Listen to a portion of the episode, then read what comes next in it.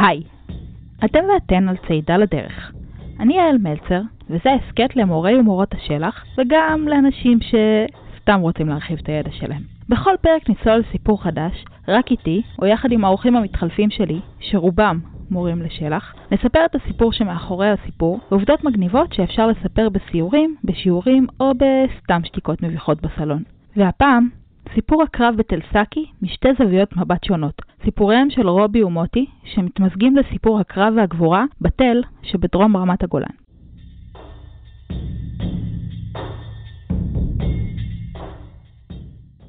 תל סאקי, או תל אסאקי, הוא תל געשי קטן שנמצא בדרום רמת הגולן.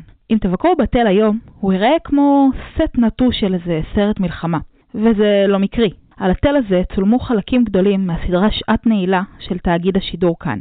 אבל ביום הכיפורים של שנת 1973, על ההר הזה עמד בונקר קטנטן וחשוף, שבתוכו ומחוץ לו התנהל קרב לחיים ולמוות. מוטי, חייל צעיר בחטיבה 188, לא ידע בבוקר יום הכיפורים שבאותו יום ממש החיים שלו עומדים להשתנות. קוראים לי מוטי אביעם, מרדכי שמי המלא, אבל חבריי קוראים לי מוטי, ואני אה, כיום ארכיאולוג, פרופסור לארכיאולוגיה במכללה האקדמית כנרת, אבל אה, לפני 50 אה, שנה הייתי מפקד טנק צעיר, בן 19 וחצי, בחטיבה 188, שהייתה חטיבת הקו ברמת הגולן.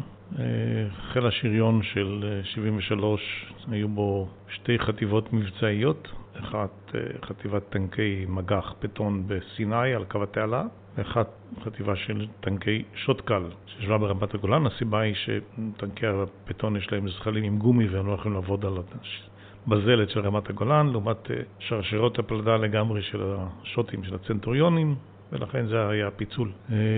הגעתי לחטיבה 188 כמפקד טנק אחרי שסיימתי את הקורסים השונים של חיל השריון, המסלול הרגיל של אז, טירונות, מקצועות טנקים, הייתי תותחן טנק, לאחר מכן אימון צמ"פ, צוות מחלקה פלוגה, ולאחר מכן קורס מפקדי טנקים. בימים ההם אז חשבתי שאני אמשיך הלאה ואהיה סגן הרמטכ"ל, אבל אחרי קורס מפקדי טנקים הבנתי ששנה בקורסים זה מספיק לי, ואני שמעתי מאנשים בשריון שחטיבה 188 זאת החטיבה הכי מבצעית ומנהלת ימי קרב עם הסורים, ואמרתי זהו, מספיק לי לירות על חביות, אני רוצה להיות באקשן, בדבר האמיתי, ללכת לירות בטנקים סורים. ולכן כשהגעתי לאיזשהו ראיון לקראת הליכה לקורס קציני שריון, אמרתי, לא, אני לא רוצה, אני רוצה ללכת להיות מפקד טנק בחטיבה 188. זה לא היה משהו כל כך חביב אצל החיילים בשריון, כי זו חטיבה שבגלל המבצעיות שלה יצאה פעם הביתה, פעם אחת בשלושה שבועות. זה לא דבר שגרתי כל כך היום בצה"ל, אבל הם אמרו, נו, יש אחד כזה משוגע, אז יאללה, קדימה. קיבלתי את מבוקשי ויצאתי לרמת הגולן, באמת, הייתי חצי שנה עד המלחמה, הייתי בחטיבה, תעסוקה מבצעית רגילה, שלושה חודשים בקו, שלושה חודשים בעורף, ואהבתי את העבודה, אהבתי את האימונים, אהבתי את האקשן של המבצעי, אלא מה? שמהיום שאני הגעתי פסקו ימי הקרב, וזה קצת אה, היה באסה. באתי לפה בשביל לעשות אקשן, ובסוף אני ממשיך לירות על חביות. שאתה לא ידעת שעומד להגיע. אה, נכון, בשביל זה קיבלתי פיצוי מלא, כמו שאומרים.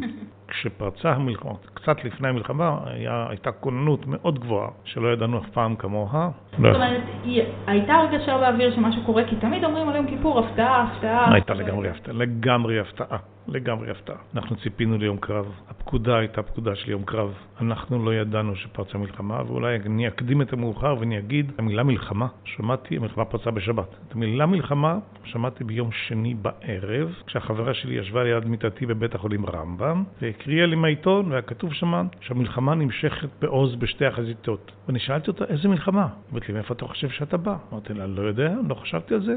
חשבתי שזה יום קרב שהסתבך. אז את המילה מלחמה שמעתי בבית החולים. כמובן שההכנה הנפשית והטכנית היא אחרת, אם אתה יודע שזה מלחמה. כך למשל, ברמת הגולן באימונים, אם אתה צריך לחצות כביש עם הטנקים, עוצרים לפני הכביש, יורדים מהטנק, מניחים צמיגים ישנים על הכביש, עוברים, יורדים חזרה, מזיזים את הצמיגים, וכל מי שלא עושה ככה יכול להישפט ולהישלח למעצר. אז במלחמה אנחנו עצרנו ליד כל כביש ושמנו... באמת? כן. זה פשוט מדהים, אבל אף אחד לא רצה להישלח למעצר. אז פגזים סוריים התעופפו מסביב, ואנחנו ירדנו ושמנו צמיגים על הכביש. אז נגיד, כן, ככה מלמדים בשריון לעשות בדיוק את מה שאומרים. אם אומרים מלחמה, אז לא הייתי עושה את זה. גם רובי, נהג הטנק מחטיבה 7, לא ידע שהיום השגרתי הזה עומד להפוך למלחמה שתשנה את מהלך חייו. שמי רובי, נולדתי בהולנד למשפחה לא יהודית, והגענו לארץ שאני הגענו, לא עלינו, כשאני בגיל 6 לקריית טבעון, שנחשבה בזמנו לסביון של המדינה, והיו לי קשיי קליטה לא פשוטים. אני מניח שמעבר לשוק התרבותי של שפה זרה, היו לי חבלי לידה מאוד קשים, בעיקר לי ושלושת האחים, וזה היה מאוד נוקשה כשאני רואה את זה היום, כי לא היה לי מושג מה אמרו לי, לא ידעתי עברית, לא היה לי מושג מה רוצים ממני, הם הציקו לי ברמות של... לא, לא ניכנס לזה, אבל היום אני בטוח שזאת הייתה סדנת היסודות, מה שהילדים עשו לי אז, mm-hmm. הם הכשירו אותי לקראת הבאות. ההולנדים אומרים חד חלק, עד שנעשה שקט והפכתי להיות מקובל, מקובל. וככה אני גדל לתוך ההוויה הישראלית, ובגיל כיתה י' אני חושב, אני הולך לשומר הצעיר. ואחרי שנה נשברתי כי היינו רק שני חניכים, ועברנו לנו עובד, כי שם גם היו חתיכות. ומשם היה לנו, התכנסנו לגרעין, אני בסוף י"א הייתי בטוח שאני יודע הכל, ואני נוטש את פססה ללימודים, ועולה שנה לפני הגרעין לעין זיוון, ובעצם זו תקופת האיילט של מהר. אני מדבר בגיל 18, כי נשארתי כיתה, כי פיצלו לנו את השפה. שק סמים ורוקנרול, אבל מה? אבל גם עבודת אדמה מטורפת, בכיף, ואי אפשר להעביר ריח של אדמה. זהו, ואז מגיע הגרעין, ואחרי כחצי שנה בשלט מוקדם, הגרעין הולך לצבא, ואני, אפס, תקוע, והיה לזה מבין שאני לא צריך לעשות צבא, אז אני מתנדב בצבא, ובעצם אני רודף אחרי הגרעין שלי, שנמצא בערך שלב אחד לפניי במסלול אחד, וזה כמו, כמו לדופחי רוח, אתה לוקח בסיג איזה רוח אחרי האופק. ואנחנו באמצע המסלול, שאני כבר רובעי שבע, שזה נחשב לרובעי כמעט מקצועי, אנחנו, אני מצליח להשיג אותם, ואנחנו מסיימים ביולי 73, ואנחנו מתחלקים אה, למחלקת משק, אה, לא למחלקת משק, לאימון מתקדם בגדוד 50, ואני הולך לשריון, כי משתי סיבות, גם שברתי את הרגל ולא נתנו לי לצנוח איתה, ואני מאוד שמח כי אני, קשה לי לקפוץ ב-400 מטר סתם מהאוויר, ואף אחד לא חשב שזה הולך להיות, מה אנחנו עושים צבא, ואף אחד לא חושב על מלחמה. מכינים אותך, לא תמיד בכל התחומים, וזהו, ואז אנחנו הולכים למקצועות, שזה שלב בשריון שאתה ממוין נהג, תותחן, אותה קשה, ומשם כל הקאדר הזה שיש לו, יש לנו עכשיו שלושת רבעי צוות, הולך לאימון שנקרא צמ"ה. לשם כך יורדים לאזור, אנחנו נרדנו בבאר שבע, מתכנסים באזורים פתוחים שאפשר לפתוח באש, בכל מיני כאלה, באר שבע אפשר לפתוח באש, אנחנו מתחילים מסלול, אנחנו כבר, אנחנו כבר בשלהי אוקטובר, ואנחנו יוצאים למסלולים בשטח. יוצא טנק ומתקילים אותו בקשר בזוקה, מימין, קטן, וזה, עולה לעמדה, וככה עוברים הימים, חם מאוד. אני זוכר שבמקצועות, איזה חודשיים לפני כן, הייתי בתת תזונה, הייתי בחדר בידוד בגלל תת תזונה, כי הייתי נורא מפונק, לא הייתי אוכל ואז מגיע, מגיע יום רביעי, הרביעי לאוקטובר, צה"ל בכוננות. ובדיוק כמו אצל מוטי, גם אצל רובי הייתה הרגשת מתח באוויר. אבל הייתה תחושה שמשהו מתבשל. ואנחנו בכלל במסלול, במחנה נתן.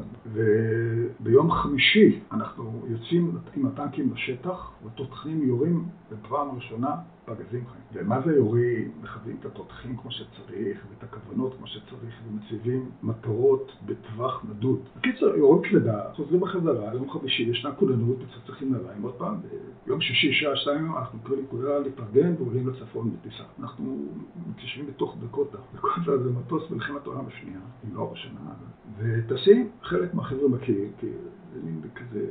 אוטובוס עם כנפיים. וכל הזמן יוצא הקוקפיט, טייס בערך בגובה שלי, כסוף שיער כזה, ביטניק, נראה כאילו יצא מוודסטוק, ואומר, אוקיי, לקחת את התרמילים קצת אחורה, כי מה אתה עושה? זה אני מסתכל, מה, זה לא יכול להיות? טוב, תשים עוד קצת, אוקיי, עכשיו קצת, הוא יצא עוד פעם, עכשיו קצת קדימה. כל הזמן היינו עסוקים להזיז תרמילים כדי שהמטוס ייסע, יטוס יסר. מגיעים למחניים בשעה שתיים בערך, נוסעים למחנה פילון, שזה ממש קרוב, לראש פינה, מקבלים טנקים שלפני שבוע גמרו אימון, ובשעה חמש, ארבע, חמש, מתארגנת ארוחה מפסקת, ואנחנו ממשיכים לזווה שזה עבודה על קלה, לוודא שכל הקשרים, אותם תדרים, הפגזים נמצאים, אם בכלל יש, ויתרנו לנצל לילה כאילו היה, ומשקפות. ניסינו להשיג כל דבר שעולים לגולן. טוב, הטנקים עולים לגולן, אני אחרון, באזור נפח המוביל שלי נתקע. המשאית הזאת. ואני יושב בקבינה, עם נהג שאני לא מכיר, הוא בחיים לא ראיתי, חושך מצרים. הוא אומר לי, תראה, אמרתי לו, איך אני אוהב?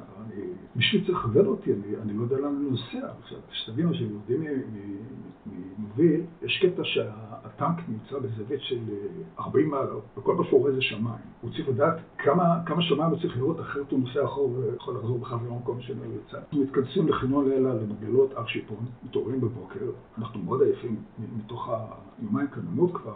והעבודה הזאת של אתמול בערב להכין טנקים, אבל אנחנו מבסוטים על הקרב, מחכים לאקשן. גם אצל מוטי חיכו לאקשן. בזמן שחטיבה 7 של רובי עלתה לרמת הגולן, מוטי בדיוק הגיע לקו. בכל אופן, אה, ימים מתוחים מאוד לפני המלחמה, והאדרנלין עולה בהתמדה, כי ברור לי שהולכים לקראת יום קרב, שבשביל זה הרי באתי לפה. וביום אה, שבת, ביום כיפור, כן, עשינו, התחלנו צום בארוחה מפסקת, פיזית. החטיבה שלנו, בגלל המתח הגבוה, החטיבה שלנו כולה הייתה בקו. כשבעורף העלו, יומיים, יום קודם, העלו את חטיבה 7, שגם היא על צנטוריונים, על שוטים העלו אותה והיא עמדה בעורף. אבל על הקו מהחרמון ועד המוצב הדרומי ביותר שאנחנו לידו, מוצב 116, עד שם זה הכל היה חטיבה 188. כל החטיבה זה 100 טנקים. 100, זה כוח אדיר, אני חשבתי, כן, אבל מולנו היו 900. הכל עניין יחסי. כשפרצה המלחמה, ישבתי בחדר, ופתאום היה מה שאני חשבתי בשניות הראשונות, שזה רעש אדמה. א', כי האדמה רעדה, ב', כי היה המון רעש. בשניות הראשונות חשבתי שזה מה שזה. יצאתי החוצה מהבניין אנחנו בבוקר בשעה שתיים, חמש דקות לשתיים בדיוק. המוצב הפלוגתי שלנו היה בג'והדר, שזה על ציר הנפט, וישב שם מפקד הפלוגה והטנק שלו, והמחלקה שלנו, מחלקה שתיים, שלושה טנקים, נתי המ"מ, אשר סמל המחלקה, ואני טנק גור. טנק גור במחלקת טנקים, המת"ק הצעיר ביותר. יצאתי החוצה וראיתי שהגולן, דרום הגולן נראה כמו יער של פטריות. שחורות. הסורים פתחו את המלחמה בהרעשה מאלף קני ארטילריה. זאת אומרת, כל דקה ירדו על הגולן אלף פגזים. והמילה שאני משתמש בה בדרך כלל כשאני מסביר את זה, אני אומר, ליבי עלץ בקרבי, כי הייתי בטוח שסוף סוף יש יום קרב בשבילי. קפצנו לטנקים, זה לקח חצי דקה. כן, היינו בטנקים, הנענו. הייתם בכוננות בעצם? כן, היינו סרבלים ונעליים יום ולילה. אז שוב, אני אשאל שוב את השאלה, סליחה שאני מתעכבת על זה. אם אתם בכוננות, איך זה נחת בכזאת הפתעה? חיכינו ליום קרב, כוננות של יום קרב, זה מה שאמרו לנו. אם אני ביום שני בערב ידעתי את המילה מלחמה, סימן שאף אחד לא אמר אותה. יצאנו מהמוצב, התרגולת שלנו, המקום שלנו אנחנו צריכים לנסוע, היה עמדות טנקים על ציר הנפט מול הגבול הסורי. תרגלנו את זה עשרות פעמים, ידענו בדיוק איפה נמצא כל טנק סורי מחופר בעמדה, וזה מה שחיכינו לראות על הטנקים הסוריים ולפגוע בהם. ויצאנו, חצינו את הכביש על גבי צמיגים, כשאנחנו נוסעים, אני, אני במקרה נסעתי ראשון כי הטנק שלי עמד קרוב ליציאה והמ"מ היה אחריי, ואז שמעתי מטוסים ואמרתי הנה חיל האוויר מגיע, כי בדרך כלל אמרו לי שחיל האוויר נכנס לתקיפה בימי קרב, ואחר כך אנחנו עולים לעמדות, המטוסים הגיעו ממערב, מהגב שלי, ואני שומע את המטוס, הוא נשמע נורא נמוך, אני אף לא יודע איך מטוסים, איך מטוסים תוקפים, הזה, ואני מרים את הראש למעלה ואני רואה מיג סורי לא יודע מה, 200 מטר מעליי. ואני חושב לעצמי, זה לא נראה כמו מטוס של חיל האוויר, זה לא מטוס, אין, אין כאלה מטוסים, גם אין לו מגן דוד כזה מתחת לכנפיים. ואז נופלות ממנו פצצות, והן נופלות עליי. ויש לזה תרגולת בשריון, קופצים פנימה, סוגרים את המדפים של הטנק, מקווים שהפצצה לא תיפול על הטנק. אם היא נופלת על הטנק, אז גם המדפים שלנו לא יעזרו, אבל באמת הפצצה נפלה לידינו, וה-40 ומשהו טון קיפצו קצת באוויר, והמשכנו הלאה. ואז אה, כשכיפת המפקד סגורה, יש את כל מערכת המר... החלונות שדרכם מסתכל המפקד, יש אחד שהוא כמו פריסקופ, זה, אתה מסתכל פנימה ויש למטה מראה ואתה יכול להסתכל החוצה. ואני מסתכל בתוך המראה ואני רואה פרצוף מאוד מאוד מוזר. כאילו ראיתי משהו לא, לא רגיל בפנים שלי. העיניים היו גדולות כמעט בגודל של המשקפיים. זה היה נראה לי מוזר, אבל לא, לא, לא חשבתי על זה יותר, כי ברגעים האלה המוח עובר לתפקד במוד אחר, במוד של תרגולות. שתרגלו אותנו כל כך הרבה זמן. מה עושים, מה עושים, מה עושים. לא חשבתי על זה, זה עלה בי אחר כך בבית החולים. שאלתי את עצמי מה זה היה, וההסבר שלי היה שקוראים לזה פחד. המוח מפריש הורמונים, אדרנלין, והוא מגדיל, פותח את העיניים, מגדיל את האישונים, שתוכל לראות טוב מאיפה תוקף אותך הנמר. ככה זה אצל בני אדם. או עמיג, כן, זה אותו דבר. אמנם, רובי הגיע לקו רק יום לפני כן, אבל גם אצלו בחטיבה 7 מתכוננים לקראת הבאות בלי לדעת מה עתיד לבוא. כשלפתע מגיעה השעה חמישה לשתיים בצהרי יום הכיפורים. בשעה עשר אה, מסתובבת כבר שמועה על יום קרב. יום קרב זה משהו שצה"ל פיתח, במחאות, פתח בירי על איזושהי עמדה סורית, או שזה היה קורה הפוך, ואז מתפתח יום שלם של אה, הם יורים אלינו, הם מתכופפים, תתת, אבל ישנה קביעת עובדות בשטח. הם מנסים לזנב בנו ואנחנו בהם. אנחנו אה, מקבלים פאנלים נניח על, על, על הטנקים למעלה על מנת שמטוסים יוכלו לזהות אותנו ומתחילה התרגשות, הרס"פ עובר ואוסף ניירות אישיים ופנקסים ונשארים רק פנקסי אה, תעודת שבי ומחכים ואני שוכב לי, אני זוכר שאני שוכב מתחת לאיזה עץ תאנה ואני שוכב ובשעה חמישה לשתיים בוקה ומבולקה מהומת אלוהינו. אנחנו רוצים, אנחנו מבינים שזה לא יום קרב, אנחנו לא יודעים שזה לא, חשבנו שזה חלק מהיום קרב, מה אנחנו יודעים? סוף סוף הגיע האקשן. כן, אבל זה מה זה אקשן מטורף, זה נפל לנו בין הרגליים, זה כלומר, זה לא משהו שמפריע, אנחנו היינו בדיוק, הם ידעו בדיוק מה הם עושים, זה מטורף. כלומר, היום אני יודע את זה, אבל זה שפגזים נופלים בלך. בינינו, אז אתה מבין שהם גולים או פוגעים. החבר'ה עוד עסקו בתרגולת של לגלגל את הרשתות ההשוואה, אמרתי, חבר'ה, תעזבו את זה, אנחנו יורים עלינו, זה לא... אין לי נהג, אין לי שטק פה.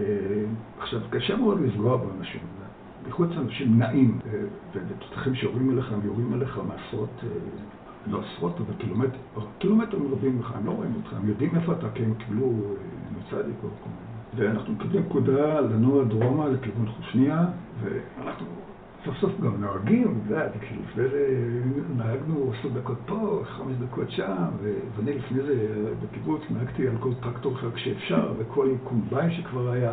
במקביל, הטנק של מוטי, יחד עם עוד שני טנקים, יוצאים אל הלא נודע ועולים על ציר הנפט. ודהרנו עוד כמה דקות אל העמדות שלנו, בהתרגשות מאוד מאוד גדולה. תפסנו את העמדות, ידענו בדיוק איפה מחופרים הטנקים, פתחנו באש, פתחו עלינו באש. הייתה לנו תרגולת לימי קרב, חטיבה 188, מכיוון שהייתה החטיבה היחידה שלחמה, פיתחה תרגולת לימי קרב. טנק אחד, בדרך כלל המ"מ שיש לו את התותחן הכי טוב, טנק אחד יורה, טנק אחד שלידו הסמל מתקן אותו, אומר לו פגעת ימין, היום זה לא ככה, היום זה הכל מערכות לייזר, מי שלא פגע פגז ראשון, שולחים אותו לגולני. אבל אז לפגוע בפגז ראשון זו הייתה הצלחה גדולה. השלישי, הגור, הוא צופה טילים. כלומר, הוא עומד ומסתכל בסביבה, והטילים נגד טנקים שנכנסו אז לשירות הסורי, רואים אותם ככדור אש שמתקדם אליך, ואז אומר, אתה אומר בקשר, אה, טילים עליך ויורדים בעמדה אחורה, העמדה היא בנויה בשיפוע, ואז לא רואים יותר את הטנק והטיל עובר מעליו, כי הוא מונחה, הוא מונחה כבל. ואז אה, ככה נפרסנו, נתי יורה, ואשר מתווך אותו, ואני צופה טילים. אני רואה טיל, אני מדווח, זה אחורה. האש שנורית עלינו היא הרבה יותר כבדה ממה שציפינו, הטנקים הבודדים שהיו שם מולנו והיו המטרות שלנו. ונתי לקח לו כמה דקות להבין שמשהו פה לא בסדר, והוא אמר, יש פה יותר מדי אש, אני, מניע, אני מציע שכל אחד ייקח, ייקח מטרה ויירה, ואם תראו טילים תודיעו. ואז כולנו פתחנו באש, ואני זוכר טוב, אולי פגענו, לא, אולי לא, אני כבר לא זוכר כל כך, ואז הארטילריה הסורית, זו שהפגיזה קודם כל את כל המוצבים, זזה ועקבה אחרינו והתחילה ליפול בתוך, בתוך העמדות שלנו, בתוך הרמפות שלנו. ואז אמ, טנק של נטע שנרות על ידי נופלת לידו, נופל לידו איזה פגז, ואני רואה את הפלטות בזוקה שלו שמגינות מהצד על הטנק עפות, והוא אומר לי, אה, בקשר, אין, לי גם אנטנות, אני לא יכול לשדר קשר, זאת אומרת, במרחק בינינו זה עובד. אחרי עוד דקה-שתיים נשמע בקשר הודעה, הטנק של אשר, קודקוד נפגע, אני מפנה אותו לאחור. זה עוד דבר שעושים ביום קרב. כיוון שביום קרב זה אנחנו כל הזמן דופקים את הסורים, אז אם מישהו נפצע, הטנק שלו לוקח אותו אחורה, לא מוצב, ושם יש חובש, שיטפל בו. לא עושים ככה במלחמה. במלחמה מפקד נפגע, מורידים אותו לכיסא של התותחן, התותחן לוקח את הפיקוד והוא יכול לראות גם מעמדת המפקד. טנק עם 70 ומשהו פגזים לא נוסע אחורה למוצב להחזיר את הפצוע במלחמה. זה לא מלחמה, זו תרגולת. נכון, אז הוא נסע, ואנחנו נשארנו שני טנקים. בקטע הזה אני מרים את המשקפת שלי, ואני מסתכל על ציר הנפט. ציר הנפט הולך עשרות קילומטרים ישר בתוך סוריה, ואני רואה נחש ארוך של רכב צבאי, טנקים ומשאיות ונגמשים וטרקטורים נוסעים על ציר הנפט מולי. כן, זה טווחים של אלף מטר, אבל אני מסתכל במשקפת, זה נראה מאוד מוזר. מאוד מאוד, לא בטוח שהבנתי מה אני רואה מספיק טוב.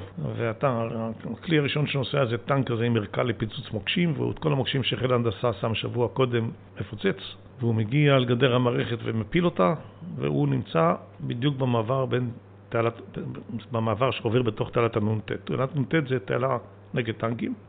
הרוחב שלה היא לאורך כל הגדר, לאורך כל הגבול. הרוחב שלה רוחב שקצת יותר גדול מטנק. זאת אומרת, טנק נכנס בפנים, טנק נכנס בפנים, הוא לא יכול לצאת. והטנק הראשון הזה בדיוק מגיע בין שתי תעלות נ"ט על הציר, על ציר הנפט עצמו. ואני פוגע בו. הוא נדלק, והצוות שלו קופץ החוצה, ואני לוקח את המקלע ויורה, ואני, תוך כדי שאני יורה, אני חושב על זה שאני יורה באנשים. עד היום יריתי על מטרות, חביות. אבל באותה, באמת, על פיות השנייה אני חושב על זה שהאנשים האלה, ואני לא יורה בהם, אז הם ירוצו ויראו בי. אז למעשה אני צריך פה להציל את חיי. ואני, הטנק בוער והוא סוגר, אי אפשר לעבור. הם לא יכולים להמשיך. לנתי אין קשר חוץ כי עפו לו אנטנות, אז אני לוקח את המכשיר הקשר ואני קורא למ"פ. בשריון של אז, אני לא יודע איך זה היום, הרבה שנים לא הייתי בצבא, אני לא יכול טנגור לקרוא למ"פ, כאילו זה לא, ב, לא, לא ברמה. ואני לוקח את הקשר ואני קורא למ"פ ואני אומר לו כאן 2א, מבקש סיוע אווירי. אני, בן 19 וחצי, חצי שנה בחטיבה, אני מבקש סיוע אווירי, כאילו זה נשמע לי משהו הזוי לחלוטין מה שאני אומר.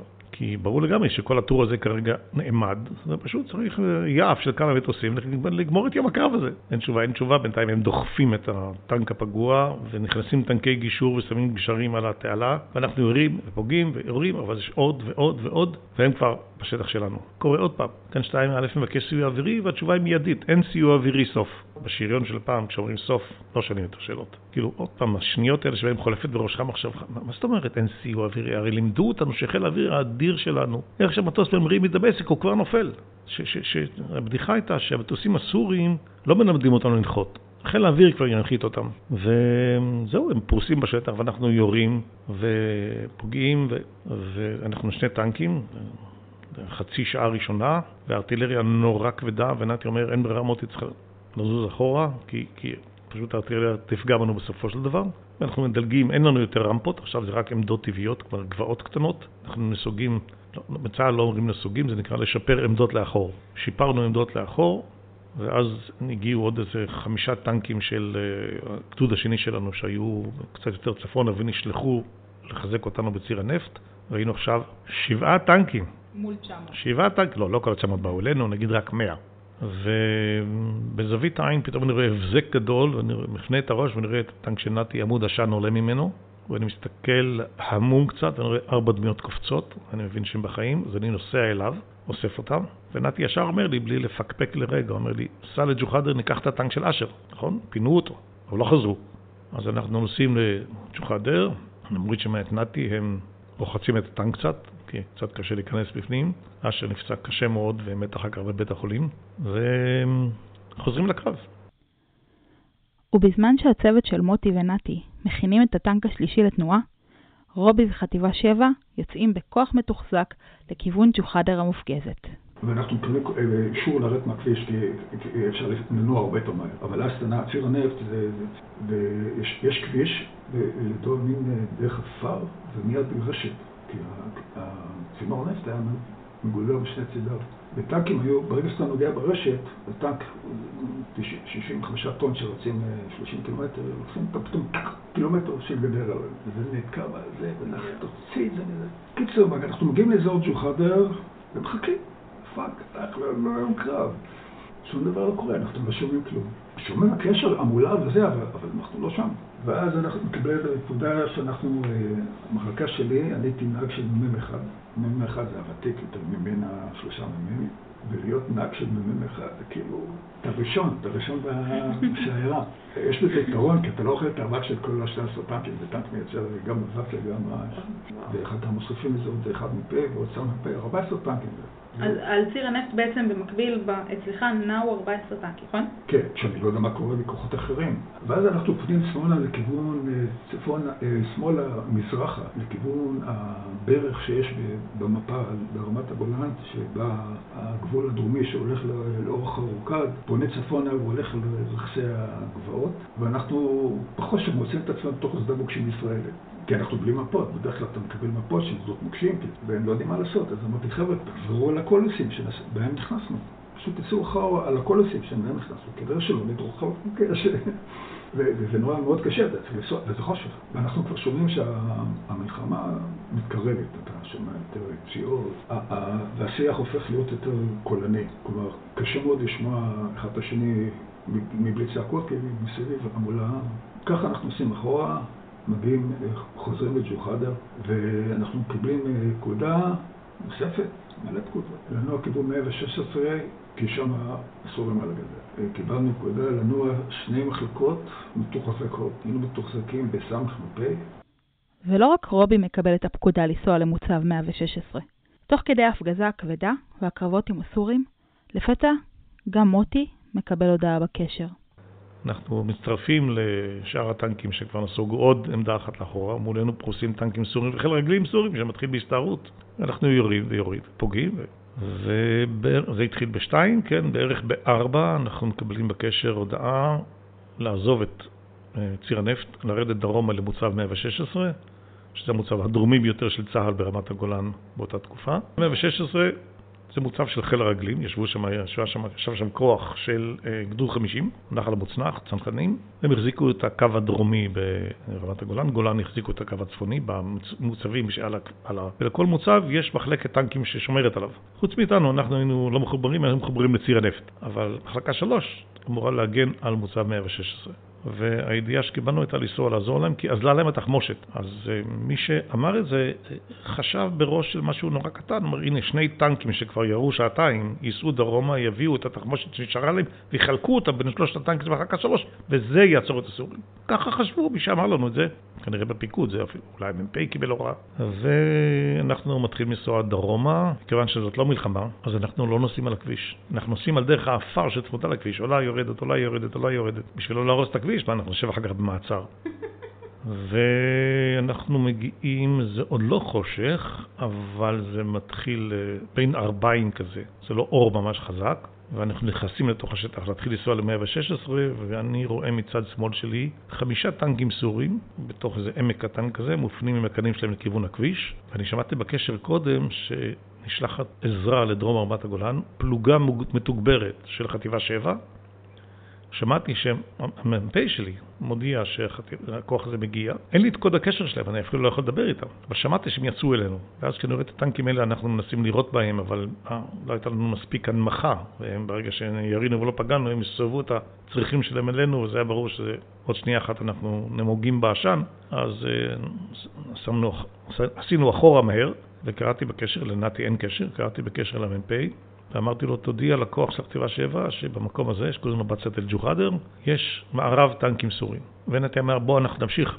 והמשכנו לכיוון 116. אה, הפלוגה המדוברת מחטיבה 7, שעליה שמע מוטי בקשר, הייתה, כמו שבוודאי ניחשתם, הפלוגה של רובי. והוא, בלי לדעת, נקלע למפגש עם לא התותח הסורי. אה, שכחתי לומר שאני פלוגה ד' מגדוד 82 בחטיבה 7. וככה אנחנו נעים על הכביש. רק כבר מותר לנסוע על הכביש, חושך מצרים, אין לנו את זה בראיית לילה. רק לנהגים יש איזה מכשיר מאוד מאוד מיושן, שנקרא, אם אני זוכר נכון, נקרא קרנף, זה בטח לא סודי. ו... ואנחנו נעים באורות א' א', אינפו אדום, שזה האורות שהמכשיר יכול לזהות. אממה, הסורים כבר היו שני דורות לפנינו לפחות באמצעי ראיית לילה, והם ראו אותנו באים כאילו... בצבעוני. יום, יום עצמאות, כן. שיירה נוסעת באורות מלאים, מבחינתם זה אורות מלאים, ואנחנו לא רואים אותה. ככה אנחנו יודעים את ג'וחרדר, יש שם מין ירידה כזאת, ומגיעים למין פתחה כזאת שנקראת ביצת אל ג'וחרדר, זה מקום שיש בו מטון גבוהים, בעונות גשומים יש בו ביצה. קיצור, זה תוואי, מין פיסת אדמה שצריך לאהוב אותה. אנחנו נעים על הכביש, ופתאום זה מתחיל. המ"פ שנה הראשון עומד משאית, אבל על הכביש הוא לא מבין מה פשר העניין, הוא אפילו לא מזהה שזה משאית סורי. עוקף אותה, איך שהוא עוקף אותה, משחילים אותו. ואז משחילים אותנו בשני דדים. במכה אחת שני טנקים מתפוצצים לגמרי, אה, וטנק אחד חוטף גם כן, והמטק עף החוצה ומצליח לרוץ אחורה כשהוא בוער לארבעת הטנקים שהיו מאחור. הם נוסעים אחורה, הם מבינים שיש פה אור. היום הופך ללילה צהוב כזה של אורנג' ואני טנק שלישי. טנק מאחורי שהתבלבל בכיוון נסיעה היה טנק של, או שני טנקים מאחורי, היה טנק של אברוצקי, ערן אברוצקי.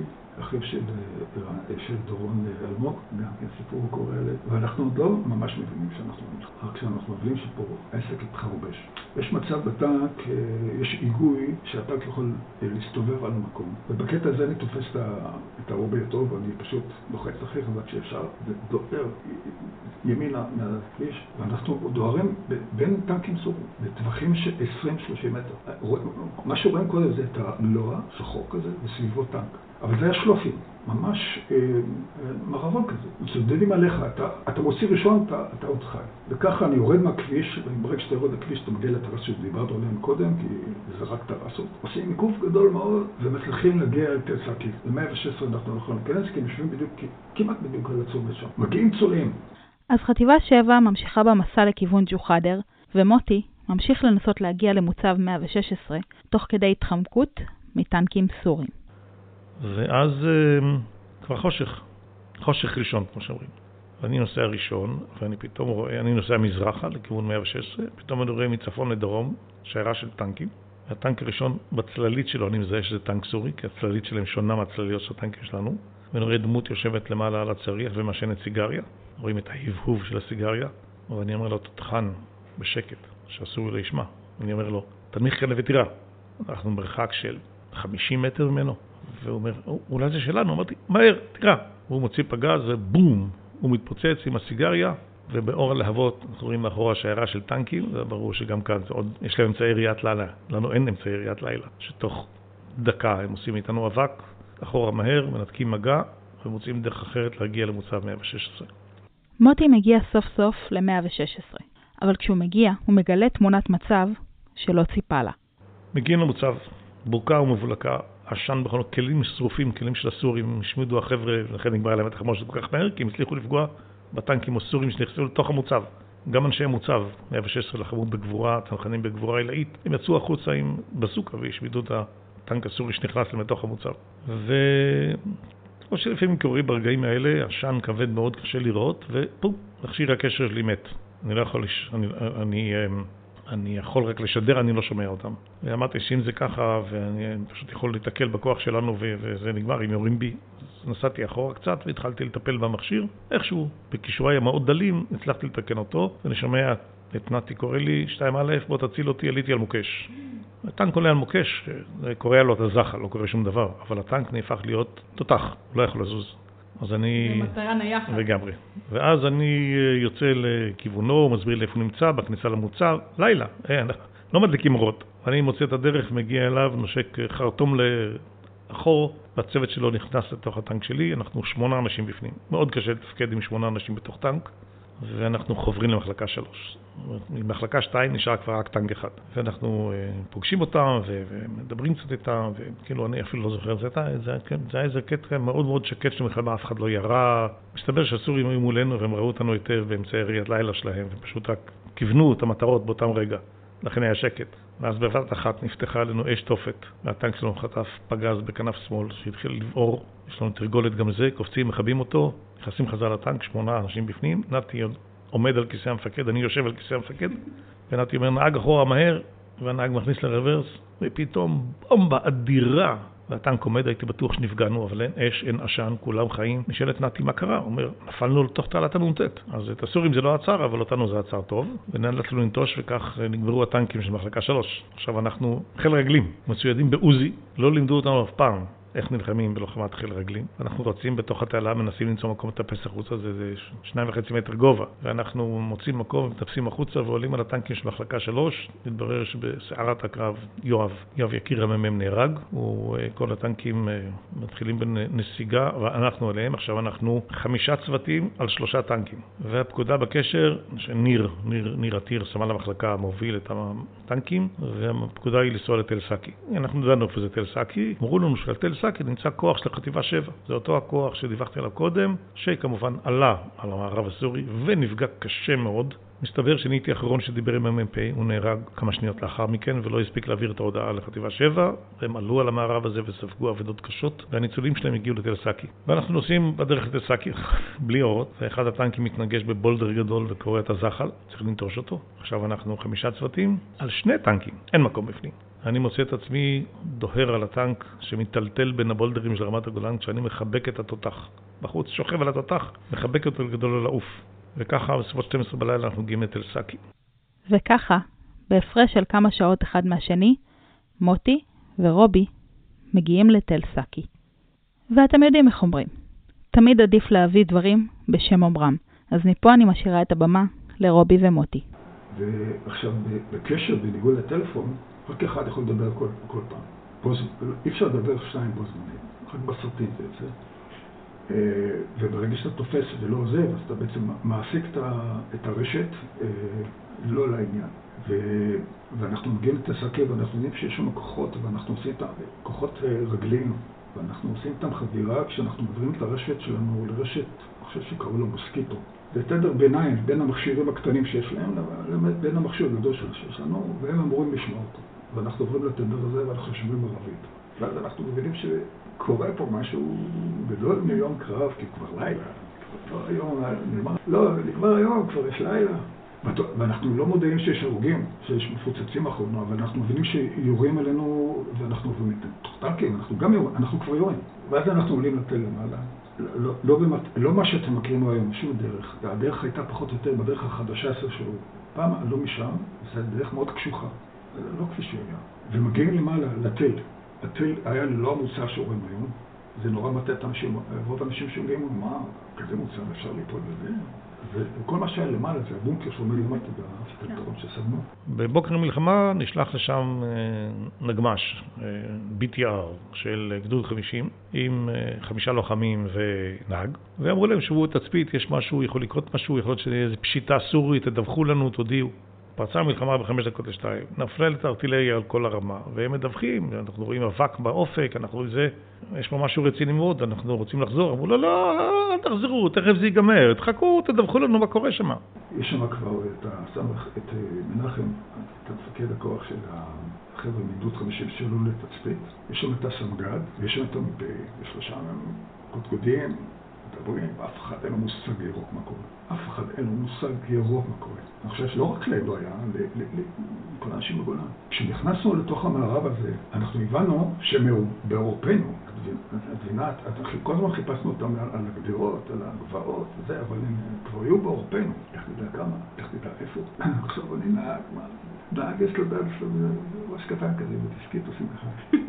ובשעה שתיים בלילה, 12 בלילה, מתקבלת החלטה שהמ"פ ואנחנו, אנחנו זה יום אחד, יורדים לכביש ונוסעים את 116 על מנת לבנות תחמושת, כי הם כבר ללא תחמושת. הם, הם ירו ופגעו כל הזמן. אנחנו יורדים לכביש, פונים ימינה צפונה, ואחרי כמה עשרות מטרים אנחנו עוברים לתוך שערי הסורית, שעומדים בשני צידי הכביש. לא הטנקים, ממש משאיות. המ"פ שנוסע לפנינו, אה, הם, הם, הם יוצאים לכביש, הם, הם מבינים לפנינו ש... כן, הם נוסעים לפה, אנחנו נוסעים לשם, והם מזנבים בו, יורים בו איזה של טנק השאר של מ"פ, והוא נופל לצריה. ואני נוסע ונאלץ לדרוס חיילים סורים. זה, זה, זה, זה ללא היסוס בכלל. כלומר, אתה מבין שזה, או לא להיות, אין מה זה. להיות או לחדול. כן, במידה מסוימת הם יכולים בהחלט לחדול. לילות רבים, שנים רבות הם בלילות הלבנים ככה, תראו אותם בירוק, במכשיר, בקרנף ראינו בירוק, ובשלב מסוים זה עבר לי. מצאתי דרך לראות לנו, אני מזכיר לך, טיבואן שהם עשו לי סיבת סדנת תחנה, ו...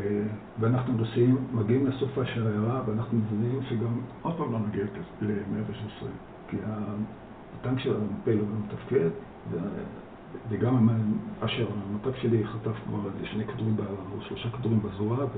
אבל הוא איש מבאר טוביה, הוא יצוק מחומר נוקשה וקשוח. לא שמעתי איי אחד ממנו. ומחליטים לעשות אותו. אנחנו עושים גוף גדול, בניגוד לכל התרגולות שיש. וחוזרים אותו מהתל. עולים לתל, אנחנו חוטפים הפגזה מטורפת. התל היה קטנצ'ט נורא, הוא נראה כמו מוצב של חרמון. ואנחנו נכנסים לבונקר הזה, שעמד למעלה. עכשיו, זה לא בונקר, זה, זה, בונקר זה משהו שהוא חפור תחת האדמה. זה היה מבנה עילי כזה ששימש מין אה, מקום מסתור ומנוחה ל... 3.60 על 2.60. מטורף כמות החיילים שהיו בפנים. אני בקושי נכנס לשם. וגובה הקירות הוא עשרה מילימטר, אה, סנטימטר, אני חושב שהיום יש רובים שעוברים, אני לא בטוח. וזה נורא קטן. ובתוך המבנה הזה, הקטן הזה, אני מניח שהייתם בתוכו, יש שלוש מיטות דו-קומתיות. תכניסו פנימה עכשיו, שלוש מיטות דו-קומתיות. וחיילים. וחיילים, אני לא יודע כמה הם. שק איזה גבעה, למעשה הגבעה האחרונה ברמת הגולן. משם מתחיל מישור גדול של דרום הרמה. אה, ולכן הוא שימש עמדת תצפית. ואנחנו חבר, הגענו אליהם, מצאנו למעלה את הטנקים של חטיבה 7, כלומר לא הכרנו אף אחד. אה, ושמענו שיש שם נגמ"ש של הצנחנים, לא הכרנו אף אחד. והתחלנו להתארגן, היה שם אה, סמג"ד, סגן מפקד גדוד של 7 שהוביל את הכוח הזה, ומ"פ, וכאילו קצינים בכירים, והם אמרו, חבר'ה, נתחיל להעביר פגזים מהטנקים, מהטנק הפגוע שלנו לטנקים של... לנו לא היה טנקים, אז אנחנו עסקנו בהובלת פגזים, עלינו למעלה הטנק, לוקחים פגז ביד, כל פגז זה איזה 15 קילו, יורדים איתם, מעבירים לטנקים האחרים, ותוך כדי זה, כמו שאני עם פגז ככה ביד, נפתחת על התל אש תופת מלמטה. הסורים, שרואים אותנו כמעט כבאור יום, פתחו באש מקלעים ומרגמות ומטולי רקטות ו-RPG וכל מיני דברים אחרים. הייתה אש כבדה מאוד. זרקתי את הפגז להוא שעמד על הטנק ורצתי לתוך החדרון הזה. כל מי שהיה לו טנק וקצת יותר נדחסו לתוך הטנקים וירדו למטה להילחם בסורים. ופתאום המפה שלנו אומר, אני צריך, אה, אה, צריך טנק קשר, כפי שהוא אומר, והוא לוקח את אה, טנק קשר שלי, שלנו, שלי, הוא מתנדב, הוא לא לוקח, והוא נוסע, הוא לא מכיר את הגולן, אין לו מושג לאן הוא נוסע, והוא נסע, לא יודע איפה שהיה אפשר לנסוע. ירד מהצד הלא נכון של התל, שהוא מצוק, התהפך. נפל למטה, מה שנקרא. זה טנק, זה הרבה טונות, זה מאוד כבד וחזק, זה לא כמו אוטו נופל לתהום. נחבטו קשה, אבל הטנק נגמר והיה הפוך, והם הצליחו לצאת ועזבו את הטנק. במקום לחזור אלינו, הם הולכים לכיוון רמת מגשימים. למחרת הצהריים הסורים תפסו אותם. הרגו שניים ושניים לקחו בשביל. טנק ישר? טנק ישר, ואני לא זוכר שמות, ועוד אחד נהרגו, ויואב בן דוד ודניאל לוין, המ"פ, נופלים בשם. ואנחנו אה, לקראת בוקר, הבוקר עולה מוקדם, אני לא זוכר מה יש שם קיץ, אבל בשעה ארבע כזה כבר התחילו דמדומים, אני לא יודע אם יש כאלה דברים היום. מתקבלת החלטה על ידי המחליטים שיורדים לתל ומנסים לעצור את הטור הסורי. אנחנו לא ידענו מה וכמה עומדים לפנינו. אה, יש לזה ניסוחים וביטויים שונים, אף אחד לא יודע מה קורה לקו באמת. ואנחנו יורדים לתל, באותה דרך לא דרך. שכמה טנקים בעצם יש למעלה? אנחנו עובדים ארבעה טנקים, אה, ש... כי, כי בלילה הגיעו את שני חבר'ה בצורה אמיצה ואין כמותם מ-116, כי אה, הם גמרו את כל התחמושת. אה, ובלילה עסקנו גם בעברת תחמושת. אני לא מעלה אתכם בכל הסיפורים, יש פה... והעברנו תחמושת. והם כבר העבירו אותה, גם את יואב יקיר, שהוא כבר נהרג ב-116, והוא מונח שם על יד הבוקר, ואנחנו רואים מת. זה לא נראה כל כך מת, את יודעת, זה שמיכה, רואה קטנה עם כל מבצצות. אבל אנחנו מבינים שזה לא הולך. כל, כל ניסיון שניסינו עד עכשיו, פשוט לא, לא מצליח. אבל, אבל עושים מה, שאומרים, מתוך כוונה להצליח. ואנחנו עומדים למטה לכביש, ואני חושב שאני הייתי, הייתי השני. אני עובר את הכביש, בעצם איך שאנחנו מגיעים לכביש בגדול, הם תוקעים אותו על המקום, את כולנו. חוץ מטנק אחד, הסמג"ד אה, יורד מהטנק שלו שגם נפגע, ועולה לטנק כשיר ודוהר דרומה. כשהוא מצליח לאסוף אה, אה, לטנק שלו את המ"מ שלי, שאחרי שאנחנו חטפנו טיל, שני טילים והושבתנו ונחלצנו מהטנק, הוא רץ לטנק שנסע ונותר מאחור. שאר הטנקים ירדו למטה, הסמג"ד בטנק אחד הצליח לסגת דרומה, ירד את רמת הגולן, הצטרף לכוחות הלוחמים, עלה למחרת היום ונהרג, ושאר הצוותים שלנו שלמטה, טנקים נפגעו והם נתקעו למטה. ירו בסורים, לחמו, אבל תקועים למטה. לתל כרגע יש. קרוב ל-20 אני מניח, אולי כן, חבר'ה של שבע שנשארו שם, שני הטנקים שלנו זה שמונה ועוד כמה של שבע ועוד שישה של הצנחנים. אנחנו יושבים בתוך הבונקר, זה לילה, כן, כל זה קרה 12-1, 2, 3, 4. אני שומע שבחור שקוראים לו מנחם, שהוא אה, קצין והוא מפקד של הצנחנים, אומר, תראו חבר'ה, אני מעריך שהסורים, אם יושבים פה למטה, הם יתקפו אותנו לפנות בוקר, אבל אל תדאגו, הוא אומר. יש לנו שני מקלעים, ואנחנו נבלום אותם. אני כמובן, כשהצנחנים אומרים לי דבר כזה, אני נרגעתי לגמרי, כי אני, יש לי רק עוזי. שאתה לא יודע להשתמש בו. לא, אני יודע להשתמש בו, אבל עוזי יורד לטווח של 25 מטר, ואז הכדור מתעייף והולך לנוח. אוקיי? זה לא, זה כלי לטווח קצר. ואני גם לא יודע להסתער, דברים לא לימדו אותנו, בטירונות, מי זוכר את זה מה שהיה? יש לנו טנקים של פלדה, 200 מילימטר פלדה. ו... בסדר, נו, אז נחכה לבוקר. לקראת בוקר מנחם מוציא החוצה את שני הצוותים שלו על המקלעים, ואני שומע שהוא אומר להם, תראו, אתם, עוד מעט הסורים יתחילו להתארגן פה, אתם לא יורים עד שהם לא מתקרבים, כי אין לנו מספיק תחמושת, שכל כדור ימצא את הכתובת שלו. ואני שומע שהוא אומר, הנה אתם רואים מתארגנים בשורות, אתם רואים, כן, תשימו לב, מתחילים לנוע, לא לראות, לא לראות, לא לראות, אש. המקלעים פותחים בשאגה אדירה, והחבר'ה האלה שגם להם זה מלחמה ראשונה, לא רק שלי, גם הם בני 19 וחצי, 20. והם, אה, תראו, פגע לו, נסוגים, הם נופלים, אה. הנה, אז השורה הראשונה נפגמה, באה השורה השנייה, נפגעה, ובאה השורה השלישית. יש הרבה סורים למטה. ואחרי זה, יודע מה, רבע שעה, חצי שעה, מנחם נכנס לבונקר ואומר, זורק לתוך חלל הבונקר, היי, אתם שריונרים, מישהו יכול לרוץ להביא תחמושת מהטנק הפגוע שעומד למעלה, שמתאים למקלעים שלהם? הוא לא מוטי, כי הוא לא מכיר אותי כמובן. ואני לא אמרתי, אוקיי, מנחם. הוא אמר מישהו, אז קמתי, ביקשתי, אמרתי לשני חיילים מהצוות שלי, בואו איתי.